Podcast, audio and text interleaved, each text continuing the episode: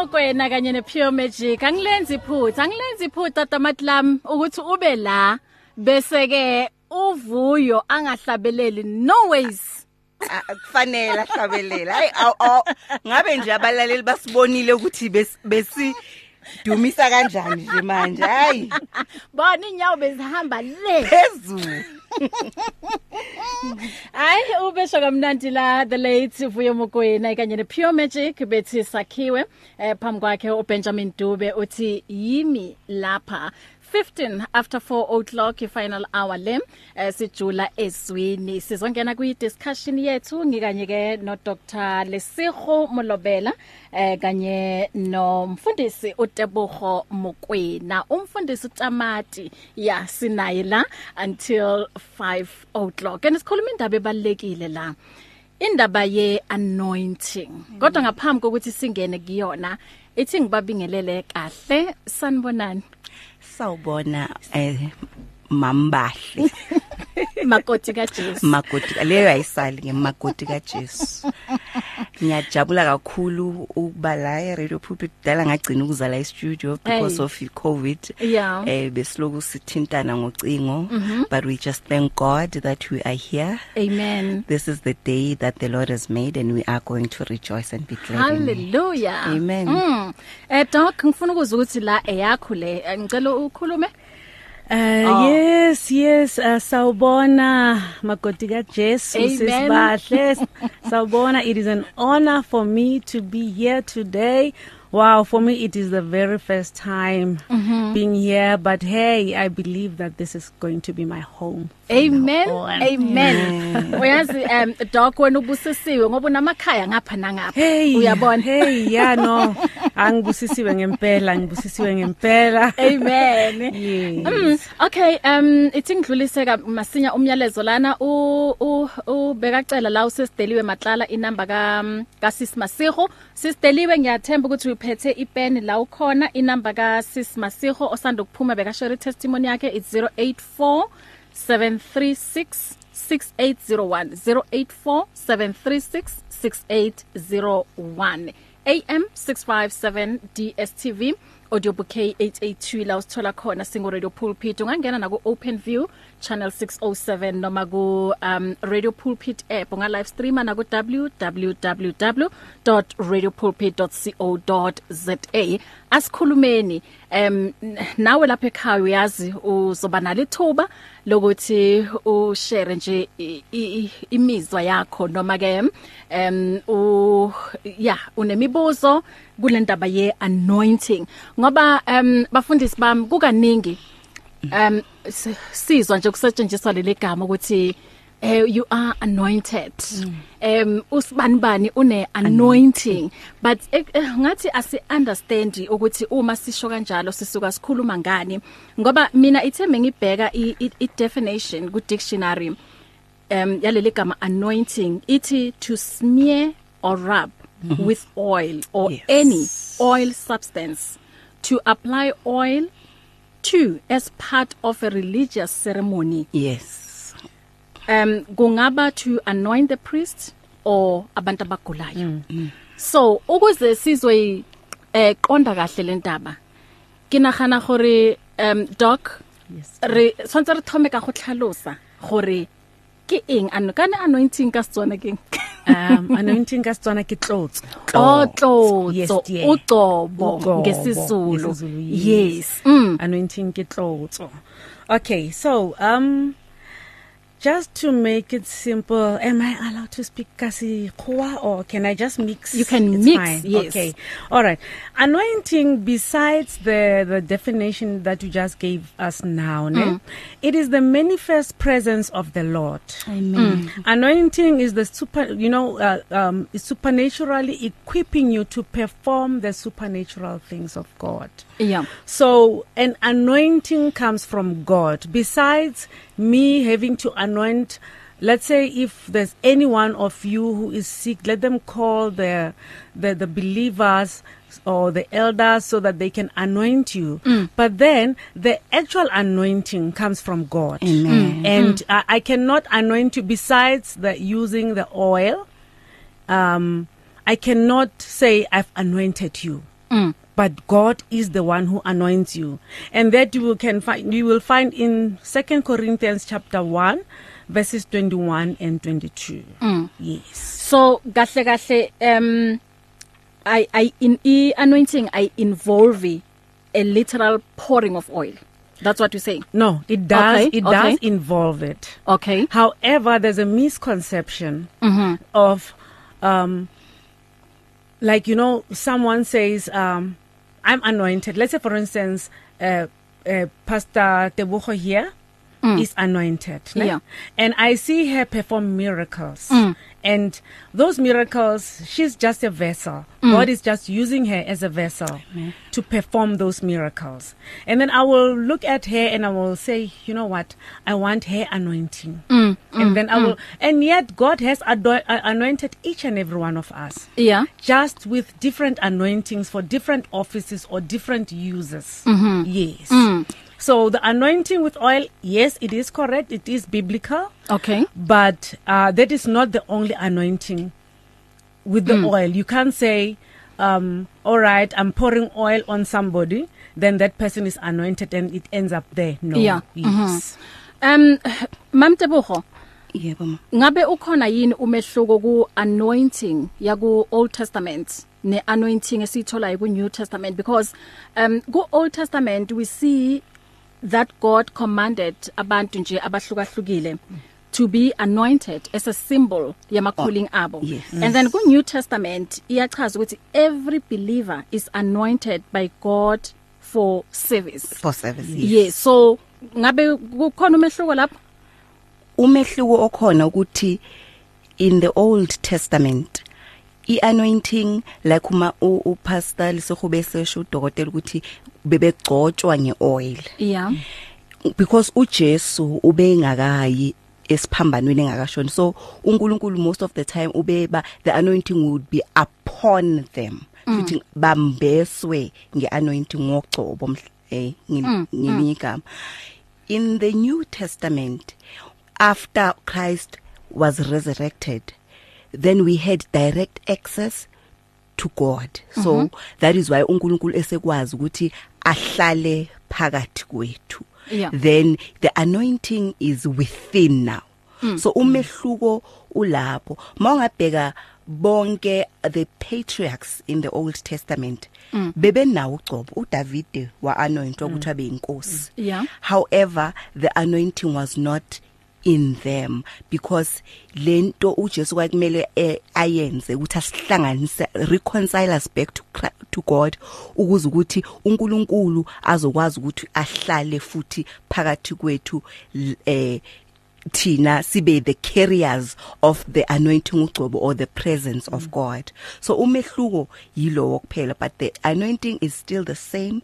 And what i would like to reiterate la or to emphasize is that wonke umuntu osindisiwe. If you call yourself ukuthi usindisiwe where you you are born again you accepted Christ to be your lord and savior ugcobo unalo. It's not as uh, especially for all pastor or aba prophets mm. ama bishop each and every believer ushilo udokotela.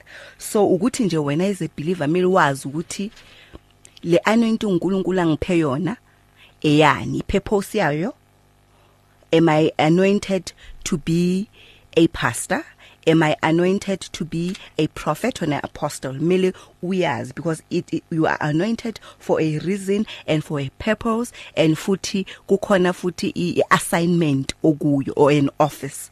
That is why kumele siz understand ukuthi us anointed u David was anointed to be a king.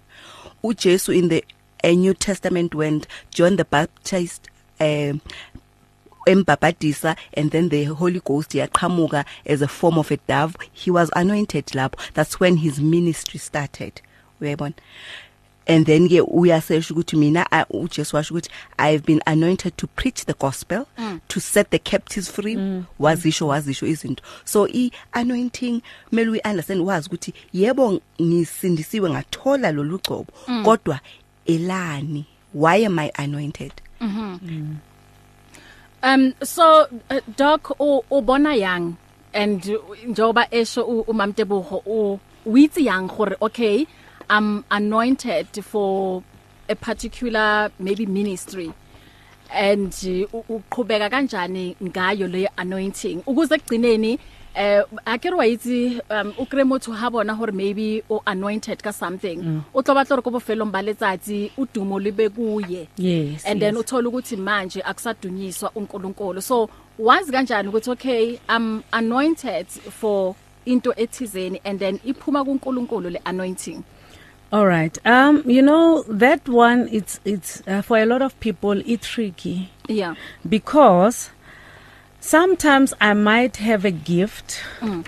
but not necessarily uh be anointed for that. yeah Like I might be good at doing something mhm but yet I'm I'm anointed for something else. Mm. And then that's where the confusion starts Mm. with other people. So the anointing is the divine power of the most high God. It's the instrument ne, Mm. of signs and wonders or the supernatural uh, uh, power of God will come to you because of the anointing so you can operate accordingly or you can operate according to how God or what God has purposed for your life.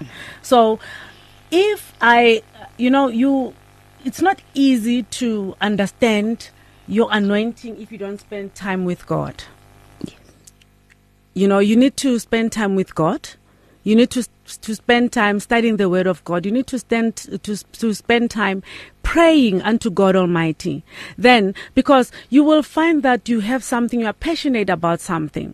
Maybe for instance, let me make an example with a worship leader. You can still be a worship leader and yet you are not an- anointed for that but because you love the music it's your passion and then you will find someone who is really anointed for that for for for being a worship leader i'm just making an example with a worship leader whereby there will be a difference when two people they can sing the same but um the move of the, of the holy spirit when this one who is anointed for Yeah. worship mm-hmm. When this one is, who is anointed for worship starts worshiping then there will be the flow the, the the the holy spirit you will feel the holy spirit and i'm mm. not talking about the feelings but i'm i'm talking about the move of the holy spirit Yeah. when that person starts worshiping mm. and sometimes you can you could be anointed for worship ne mm-hmm. but and my voice and Sister Tebucho's voice or Pastor Tebucho's voices are not the same. Mm. She could be good at singing and yet not anointed for that. Mm. And my voice can be the one of the worst but with the anointing of God. Yeah. So sometimes we make mistakes whereby we think that oh this one can sing oh she's so anointed. Mm. And this one oh no no I'm not even going to listen to her she can't sing. Mm. So that's where we don't we th- that's where there are mistake or, or, or misunderstanding mm. of what the anointing really is. Mm. So God what he does is when he anoints you he empowers you to be able to to to to um carry out or or whatever uh, information or whatever it is that is anointed you to be good at doing that mm. or if it's worshiping or maybe ministering or whatever god will always empower you so that you excel yeah. in in that office mm -hmm. where he has anointed you sure ngikuzwa kahle ngihutla pila um Muruti and izinto vele esibonayo or esi experience hayo ukuthi yes someone can sing well mm. but uthola ukuthi ianointing ayikho Yes. and then kuze lokuhlezi kushiyo ngayo ukuthi ha lo akwazi ukucula but you feel mm. something ukuthi mara nje lana yazini sisebukhoneni buka the Jehova manifestation of the presence of God Yes. yes. Mm. i think you ke into ezo set apart that ukuthi this individual is anointed or not Yeah. when there is a manifestation of the presence of God then i think it's a telltale sign Yes, ukuthi yes. Lo noma njengoba usho sisibahlu ukuthi kuthiwa uyabhimba but Yeah. because of the God in his wisdom um anointile lo muntu loyo whether nina thina sicabanga ukuthi uyabhimba or not but there is a manifestation. And when the manifestation of God happens it's not for us ukufila ama goosebumps or in like um Yeah. upastor Lisego asho. It's for uh, i- im- to minister. To abantwana bakhe. Mm. so uzothola ukuthi lo muntu uma esecula ama the supernatural starts happening. Abangaboni uma ngale basiqale babone. Abangezwe bezwe. So it it means ngaso sikhathi ke the holy spirit and the anointing is at work. Because of the anointing that is in lo muntu loyo oculayo. Uma eseqala ukuworshipa and then the presence of God is made tangible and uh, it manifests then bese sibona the supernatural yenzeka. Um so ziningi izinto zenzakalayo emasontweni and then sila emhlabeni. Kuyenzeka ukuthi ungene esonweni. Yes. And yes you are anointed. And kube khona ke ama mistakes owenzayo. U- uyayithatha uNkulunkulu that anointing ukuthi a a lo uyena bekahola laphayana but because of um lesono sakhe ngiyayithatha le anointing. Ngizombuyisela yona uma sekabuyile futhi mhlamba azoxolisa. The gifts of God are without repentance sibahle. Yeah.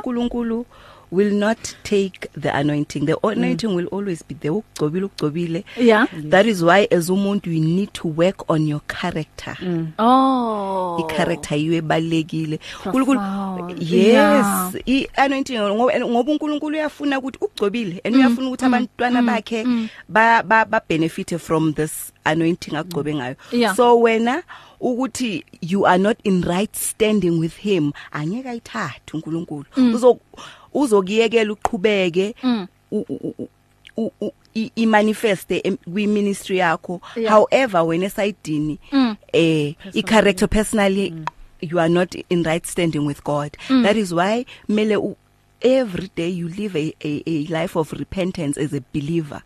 Ukuthi inkosi yami ngicela ungicheke la ngihambanga kahle khona ngibonise so that ngizokwazi ukuthi i character yami ibe if ibe lento efuna ukuthi wena ibe yiyo and that is according to the word of God Wow.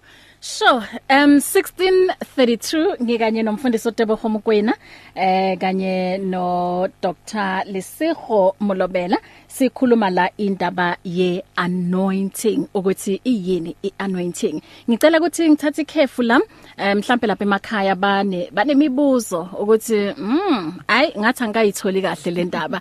Ake ninabe kabanzi bafundise okay uma sibuya la zivuliwe incingo ku 0123341322 noma ku 012 um triple um 38699 onga WhatsApp na ku 0826572729 nalapho ke uyathumela i voice note noma usebenzise 082 iTelegram ungatexta ku 37871 Radio buzzing of life 657 AM It's difficult to face the overwhelming pressures of life alone. Sometimes we just need someone to talk to, someone to listen to us. And what better way to do that than through a quick and easy WhatsApp text? Whether you're having a hard time coping with school, family issues, being bullied, depression, or anxiety, speak to someone who cares today. Send a WhatsApp message to 064 530 6805 or 074 995 9085. Our I Am Youth Counseling team, Charles DeToy and Danny Vambili, are ready to connect with you today. It's here. Radio Pulpit's new website is live. You can tune in at radiopulpit.co.za and enjoy crystal clear sound with just a click of a button or listen to our podcasts. Discover biblical truths in our daily devotionals and let our stories of hope inspire you. You can download our app on this new look, easy to use platform. Find your favorite program, get to know our presenters, and so much more at radiopulpit.co.za. Radio Pulpit, your daily companion. At Radio Pulpit, we love the interaction we have with our listeners on all the social media platforms. It is also our way of giving everyone a voice that can be heard all over the world. Unfortunately, we have been experiencing huge difficulties with WhatsApp for a while now, and we are now forced to find a viable alternative. That alternative is called Telegram. Telegram is an app that works exactly the same as WhatsApp, and it uses the same telephone number as well. All you need to do to be able to chat with your favorite presenter is to download the Telegram app onto your phone and send your message or voice note the same way you always did. We will then be able to receive and answer your message faster, and the privacy on this app is much better too. So, whether you have an iPhone or an Android, the app pic is a white paper plane in a blue circle. Please download the Telegram app right away and make life easier for everyone. Our family is just getting bigger and bigger. Welcome to 657 AM. 1634 sikhuluma ke ngeanointing kulentambama eh ngikanye nomfundisi Tebogo Mokwena kanye no Dr um Lesigo Molobela um ungangena nawe uma uthanda ukuphawula noma unombuzo 01233413 um 22 usemoyeni sawubona sisi tata. Ah mandibulise kubefundisi bami okunye nabe studio ngelika Kristu kama Amen. Siyabulisa tata. oh hey. Sibahle nabefundisi. Mm. you have come up with so very very very much important topic. Very very very very much important topic. Kuba kaloku u- u- uma sizawuthetha nge-anointing have a, a picture sibahle ye- ye-license disc apha emotweni uyayibona ne? Ewe. Uyayibona i-license disc? Mhm. Eh it's so very very very much important. Amapolisa ma emisa imoto aqala pha kuyoqala. Yeah Mm. Ingajongwa enye nenye le kodwa aqala pha kwi-disc. Mm. U- i- i- injalo indaba ye-anointing. Mm. Into aqale qala ijonga uthixo emntwini ujonge i-anointing cha cha cha mhm meaning that u- uba ujonga i-ephesians now chapter 1 verse 13 u sesithetha ke ngoku nebandla lase-radio pulpit mm. Now i-ephesians eziya isisibonelo eh athi phaya nani ke bandla lase-fs A- athi nimanywe noKristu nje ngokuba nisivile nani bandla lase-efese nimanywe noKristu nje ngokuba nisivile indaba ezimnandi?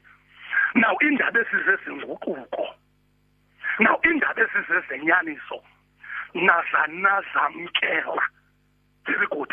Nazanazamkela ngoba nisivile athi ke apha ngezantsi athi ngoko ke uthixo uniphawule underline. Very very very much important. You have been marked hmm? now you have been sealed. So ngoko ke uthixo uniphawule. Now ngomoya wakhe oyingcwele you have been empowered sealed now marked now enriched fully loaded fully backed yo. So lo moya oyingcwele niphawulwe. Lento sibahle uthetha umile because uyithetha ilapha kuwe kuqala. Awulinga sifalo sibahle you are not a cheap copy, of the original Paulus. Ah uh-uh. Uyi-original because aluphawu luthethwa nguwe ngoku. So kwibandla lase-radio pulpit. So uthixo uniphawu uthi ke oluphawu le-anointing. Now ingumoya oyingcwele i-in you sesiqinisekisiso sobaqiniseka. Phakathi kwa wena uyingxalifa yakwathixo.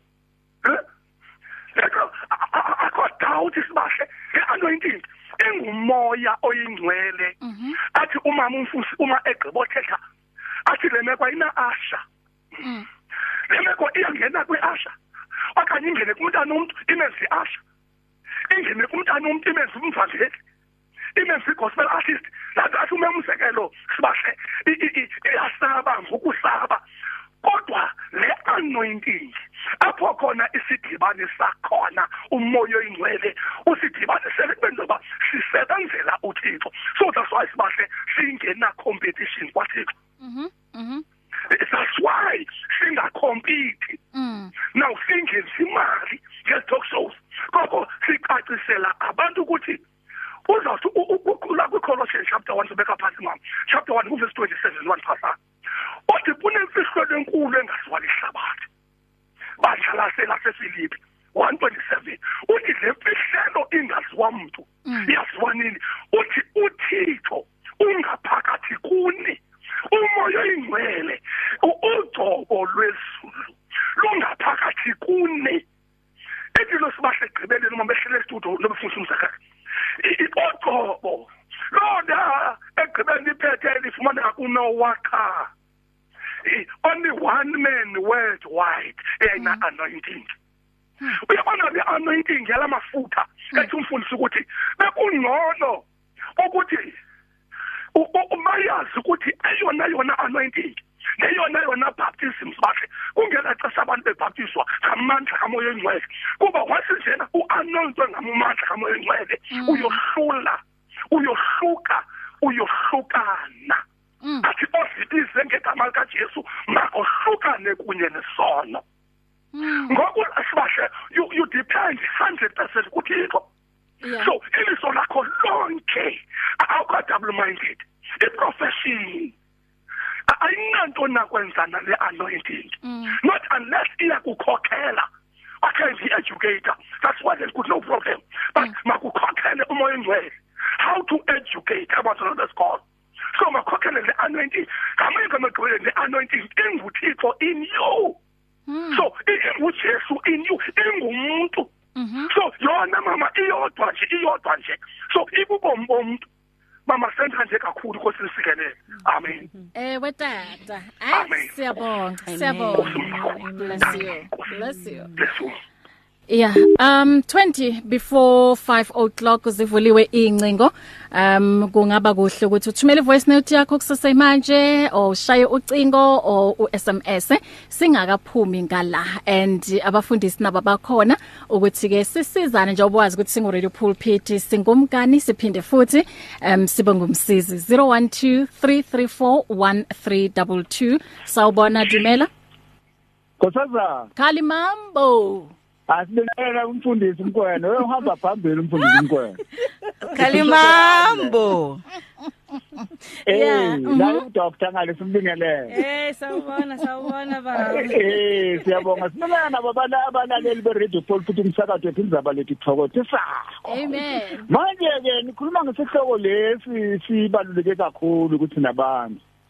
Ngenxa yani ngoba umuntu umemukela uJesu Kristu usuka segcotshiwe nguye uJesu Kristu. Yabona? Uma sifunde encwadini kaLuka lapha uma uMaria alokwanjana eingilozi yakuye ithi lo moya kaNkuluNkulu namandla kaNkulunkulu atawehlela emzimbeni i-anointing leyo. Uma uJesu eceda kubhajathiswa nguJohana lo moya kaNkuluNkulu ithi iBhayibheli izulu lavuleka lo moya uma icade kuthandaza uJesu mathandaza lavuleka izulu lo moya kaNkuluNkulu wayehlela kuye. I-anointing leyo manje ke emabandleni kuba khona ukuthi umoya kaNkuluNkulu ungaveli ngamandla emuntwini. uNkulunkulu kodwa lo muntu engumKristu loyo uNkulunkulu uthokoziswa yilokho. Kuyamthokoza uNkulunkulu. Abanye bafuna ukufana naloya. Manje kunomfundisi. Abe ngumfundisi enganalo ugcobo lelo kaNkulu lelo sinalo thina Yeah. lelo nokubaba silinda enganalo umfundisi kodwa ngumfundisi Hmm. uNkulunkulu uthokoziswa angeke kuphela ngimfake isiphambano lo mfundisi Mm. Ngizela. uNkulunkulu uthokoziswa yilokho Amen. lo mfundisi afuna ukufana naloya azile sipho zabe mathambo Mm. Eh manje ke akuhambi kanjalo. uNkulunkulu uthokoziswa ukuthi umuntu abe ngilendlela ngaye naliloko naloko naloko manje ke sonke sibandla likaNkulunkulu sisizwe singcwele sika Jesu Kristu manje ke sigcotshwe nguye uNkulunkulu lo gqobo lo manje lo moya kaNkulunkulu lo lo amandla lo okunye lokho. Kanibona nkosazana Khali mambo. Yeah. Eh kusho ukuthi uma usindiswa kusho ukuthi umgcojwa kaNkuluNkulu. Kusho ukuthi you are a chosen one. yes As long as uhleli la entsindisweni. insindisweni ungasuki yes Mm. Okay. first john 2 verse 20 to 21 usitshela lokho Anga- angazi noma singamfunda na Yep, yep. asimfunde usho njalo emfundisi umtholile asior first john 2 verse 20 and 21 uyasho ukuthi eh uma usindiswa nje the anointing ikhona. Kodwa futhi it is your responsibility to nurture it ng- ngokuthi ufunde izwi ukhuleke ufaste udr lisihushilo if we neglecta leyo nto you will not grow spiritually or mature in the things of god. So nawe ungathi nje hayi ngisindisiwe ngamamkelile uJesu ngiright and then bese uyaziyekelela nje you must nurture the anointing of God empi- empilweni yakho ngokuthi wenze lezi zinto engizishilo so ithole imfundiso Yes, it's Um, um, First John chapter 2. 2 verse 20 and 21 Okay. It says, "But you have an but you have an anointing from the Holy One, and all of you have knowledge. I have not written to you because you don't know the truth, but because you do know it, and because no lie comes from the truth." yes the truth is we have the anointing from the holy one Yeah. Ephesians uyasitshela futhi Ephesians um 2:10 uyasho ukuthi God has predestined us mm. before mm. the foundation of the earth and and, and has anointed us mm. to where to do his works mm. according to his purpose and his will for our lives Yeah. Now ku Old Testament he said the same thing to this prophet wabani uJeremiah what I know you in your mother's Yes, womb yes. and I appointed you a prophet Prophet, yes. uyayibona um so i- i i- anointing ikhona but as a believer you have to make sure that you protect it. How do you protect it? You stay in God's presence. You abide in him. You read the word of God daily. You repent daily. Sihlala we live in a bro, uh, fallen and broken world. Izinto ziyenzeka. You sometimes you miss the mark. Ungekho na aware Yeah. so it's your responsibility to go back to the father and say lord khona la ngiyenzanga kahle khona. Lezo aware izono zakho repent mm. immediately and uNkulunkulu uzo uzo uzo uzokuxolela mm. and then also eh fast live a a a a, a life yokufasta and also futhi spend time in in praise and worship mm. the bible says uh, god inhabits the praises of the, his mm. people Yeah. uma uspend isikhathi in praise and worship the presence of god is also manifested in the old testament mm. um i think it was uh, david who was playing a harp ne mm. he was yes. playing a harp and singing and an evil spirit went mm. out of usaul was it saul yes It was solid. yes Mm.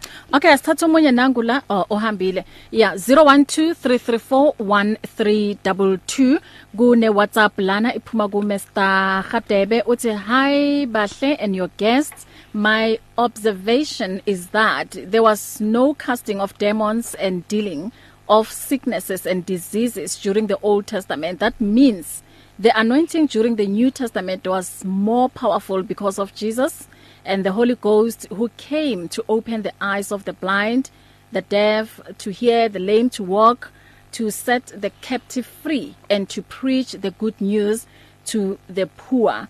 Um usinikeza scripture la Luke 4:18 to 19 uthi to God be the glory. Asiye la elayinini? Sawubona Dumela. sibahle nje le ndawana nje incinci mama kule ndawo. Eh wetata. Yazi u- u- uzawuthi aya uthixo u- upawulos kwi- kwi- ku-first corinthians. Ewe u- u- chapter two ngathi ku-verse ten. U- u- uzawuthi phaya ba- ba- basekorinte U- u- uthixo wazitshila kuthi ezi ndaba zimnandi zilungileyo. Athi ngomo ngomoya wakhe oyingcwele. Athi kuba kaloku umoya oyingcwele lo ulapha kuthi now uphengulula zonke izinto. So athathi aphengulule nobunzulu sobobume bukaThixo. Ithi ke ngamanye amagama ilapha elugcobeni apha kugcobo now ukuchileka nokukwazi ukufunda sibahle befundise izwi likaThixo. Ukuze mama lingabiyo poem ya ithi kwakuthi kwakuthiwa nansi covid. Andithi mosibe kuthiwe ngendumiso u50 15 athi ubize mna ngumhla wembandezelo so i-anointing ugcobo in you. Now olungumoya oyingcwele olunguthixo. Now olungujesu in you. Sokuyoyika sibahle into yoba lo mntu wadala izulu lehlabathi nakwapha kuwe. Nguye otshoyo. Akusingoba ngani otshoyo? So nguye onika ubungqina. Into yoba ndikule conveyor belt now ndikule tool so ndikule instrument sokuyoyika loo nto.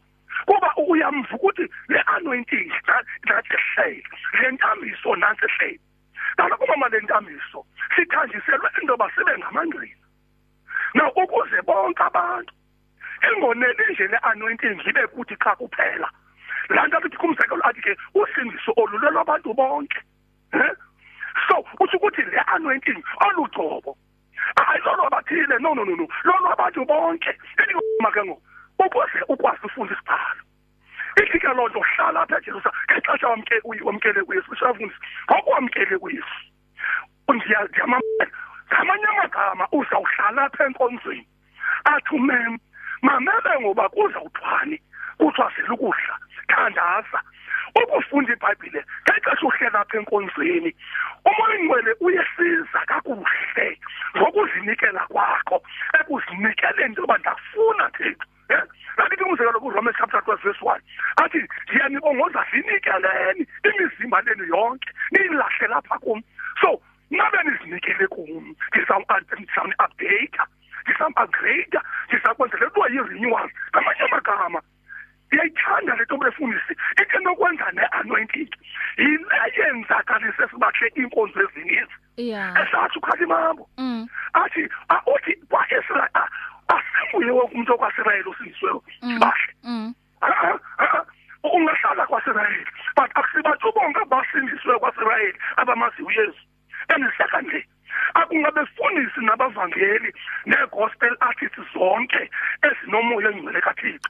Kodwa sekunjalo akumelanga uba sekugwetywe mntu bakawuxa sikule talk show sizothi madoda xa ucula mani khawucule mani uphenjelelwa ngumoya ingcwele kathixo so xa uasharisha asharisha uphenjelelwa ngumoya each and everything na oyenzela uthixo yenze nge-anointing ingumoya oyingcwele cha cha cha cha nkosi mama ndiyabulela nkosi nisikelele mem Siyabonga mfundisi bangani bless you. Amen. Amen. god bless you nkosi Mm.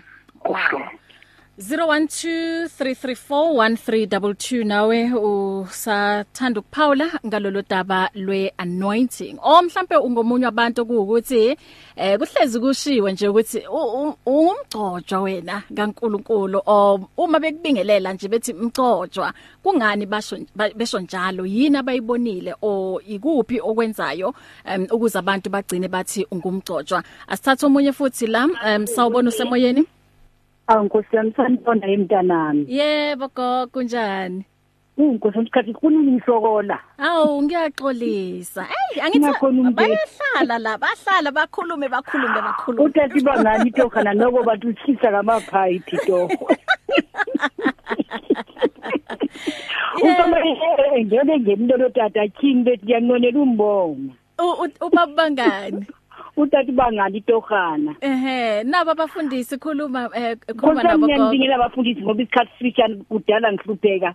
Kodwa ke mina ngiyamthanda uMathosi lonika 5 verse ka19 malithi lenkosi ungamcimi umoya oyingcwele. amen. Amen. lithi ke vinyani konke nibandiswe kuhle kodwa nibheke koku uyayibona indaba? Yeah. ya ngoba isikhathi esinye kungaba umina engo- engilwa nokulunga kukaNkulunkulu. Ngempela ma ngiyathola ukuthi mina ngikhwela intaba ngithi mina kade ngiyentabeni amalanga ayi-21 Mm. mara ngisele nginenkinga. Mm. Ya ngathandaza ngathi ngafunda ibhayibhili ngathatha u- u- u-one ngawumbeka kusambulo kodwa isithelo asikho. Uyabona? Yebo manje uPaul kumaKorinto lapha yana 8 verse lokuqala uthi ukwazi kuyakukhukumeza kodwa manje uthando liyakha yes. Manje ngithanda Jesu ngithanda umoya ongcwele. Ngiyomazi engimkhonzayo Oh yes. manje kuJesu ungiphutha kakhulu lapha kuJohn 15 mayithi hlakaniphi ku4 kodwa manje khona indawo lapha ethi kuye mase waqala uhamba nayo ukuthi amagatsha la angatheki ithele uthi uyawasusa. Yabona ke mhlawumbe uthola ukuthi ma ngokwenza kwami izinto sengigatsha elisusiwe. Ngoba manje ngeke ngamlawula umoya engene ngamcima. Ngoba uJohn impostoli wathi ukwamthinta kuverse 26 uthi ke lolu gcobo olikini akekho ozonifundisa.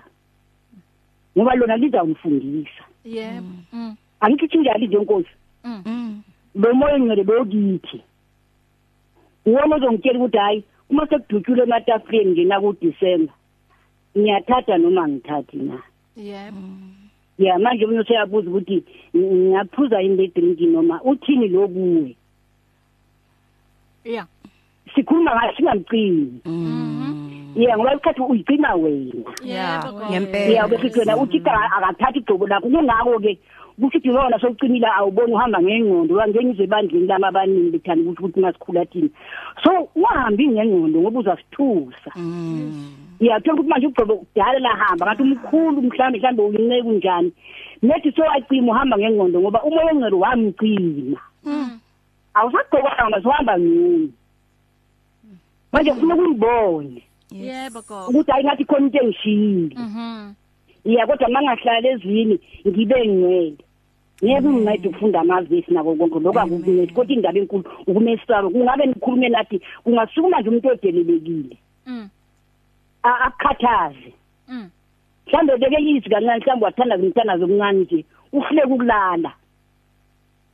Indaba ubungcwele nokumsaba uNkulunkulu. Amen amen. Mase sishebe kakhulu badaleka bese sithi ke hayi sifuna ukuma ngisheba ngigula nginje.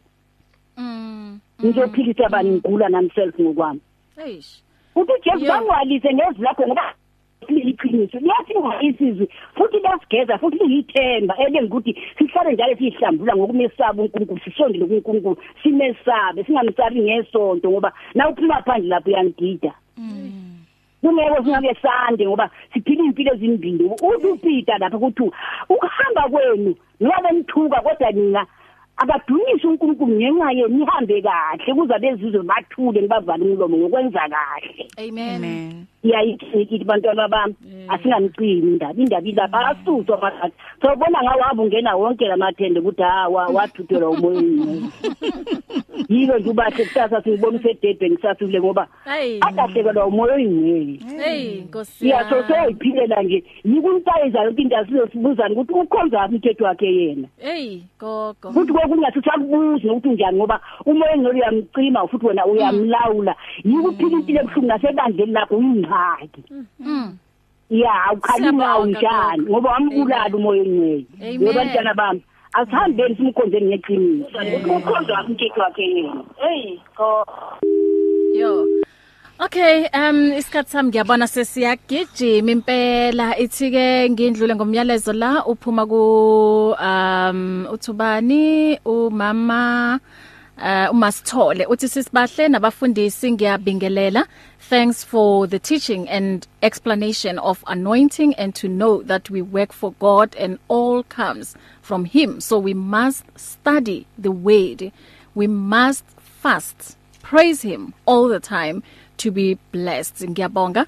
Um umam Sithole. Umfundisi uSipho Prince Nhlapo uthi lam eh iphile message ngila oh uthi hallelujah zimbokodo happy mothers month. Eh ngisi- ngisiyambongela umam oh umamzwani impela nithenjiwe nguJehova ningomama. Siyabonga kakhulu. Em bafundisi bam ngiyabona isikhathi nasi si- si- si- sihambile impela.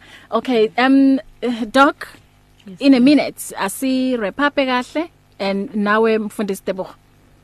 All right. Uh, mina, you know, I just want to say i anointing ne uNkulunkulu does not anoint you based on your experience. Yeah. Akabheki isimo sakho, akabheki your status. He doesn't Yeah. look at how your you know your education, mm. your abilities or how well you know the Bible.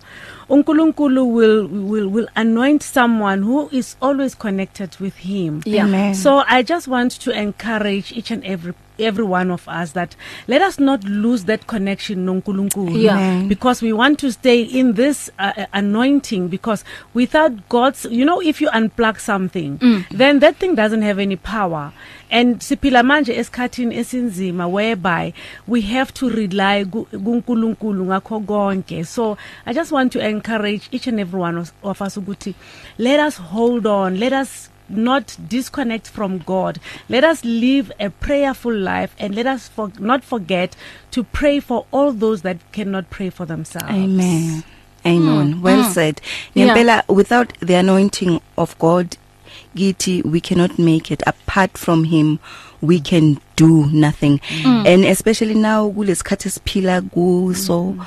Uh, we need him more than we've ever needed him mm. so thina ke asisondele kimi uthi abide in me and i will abide mm. in you mm. so manje ayisekho ke isikhathi sokudlala ichurch one nyawo ngapha linyawo ngapho ushilo umama lapha uthi sihlale kuJehova and masihleli kuyena izinto ezimele zenzeke zizokwenza mina i believe ukuthi his plan for ibandla lakhe did not change because of the situation esikuyo manje i covid ama plans akhe for impilo zethu ne plan yakhe isasekhona thina nje kumele sihlale kuye simthembe and um always be prayerful mm. and and um study the word Mm. Powerful. Amen. Eh kuna la nitholakala khona social media, WhatsApp uh, konke lokho. Okay. Ngoba kunabanye eh, doc ba aba aba abangeni ne la emoyeni kodwa uthola ukuthi zikhona izinto abafuna ukuyixoxa nawe esayidini. Eh, Yes, so uthola ukuthi balindele nje ukuthi okay ngizobhala phansi uma beshiya contacts. All right. No, Yeah. that's fine. Uh, my number is uh 068 060 3266 068 060 3266 and uh ku Facebook ungangithola lesego.mulobela mm, okay no Facebook is Lesego Molobela my apologies. Okay. and then the email address is lesego.molobela@gmail.com and yes um mm. go Instagram that's Lesego Molobela you can still find me there. Okay, ngicela uphinde inamba 068060 3266 3266. That's correct. Yes. Eh mfundisi mina ngikhona ku Instagram uMiss Tebogo Mokwena and then ku WhatsApp it's 0790935027 and then uemail umukwena beloved@gmail.com ay bangcwele na kulonyaka angabi khona ku Facebook ngiyaxolisa ngiyayibuza. Yazi ngi- ngi- ngiyibuza mihla nemihla ukuthi ikwenzeni le lutho hey. Asiphinde sihlanganeni ke next week. Sisakhuluma ngayo indaba ye-anointing angithi na next week. Sibonge kakhulu. Bless you bless you bless you. Amen. Bless you,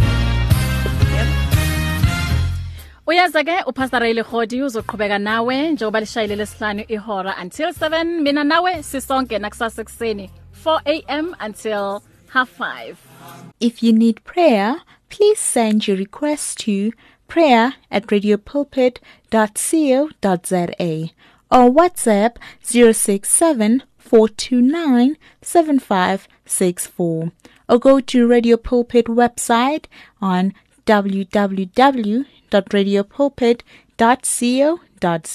Reach your customers in the car, at the office, at home, or wherever they are, night or day. Through advertising with Radio Pulpit, you can reach a large, unique, and loyal audience in a most affordable way. With over 500,000 people on our various platforms, from Gauteng to the Cape, you simply cannot go wrong. So advertise today. Contact us on 012 334 1339 or for advertising packages that we offer, go to www.radiopulpit.co.za. Terms and conditions apply. You and 657 AM and life, a winning team on the road to eternity.